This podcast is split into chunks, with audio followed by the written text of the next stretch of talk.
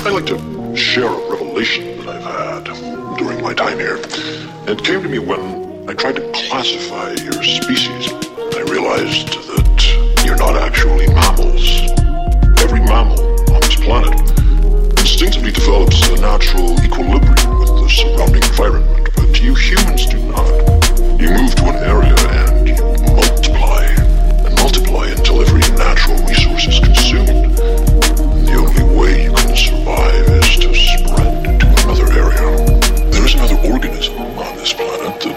follows the same pattern. Do you know what it is?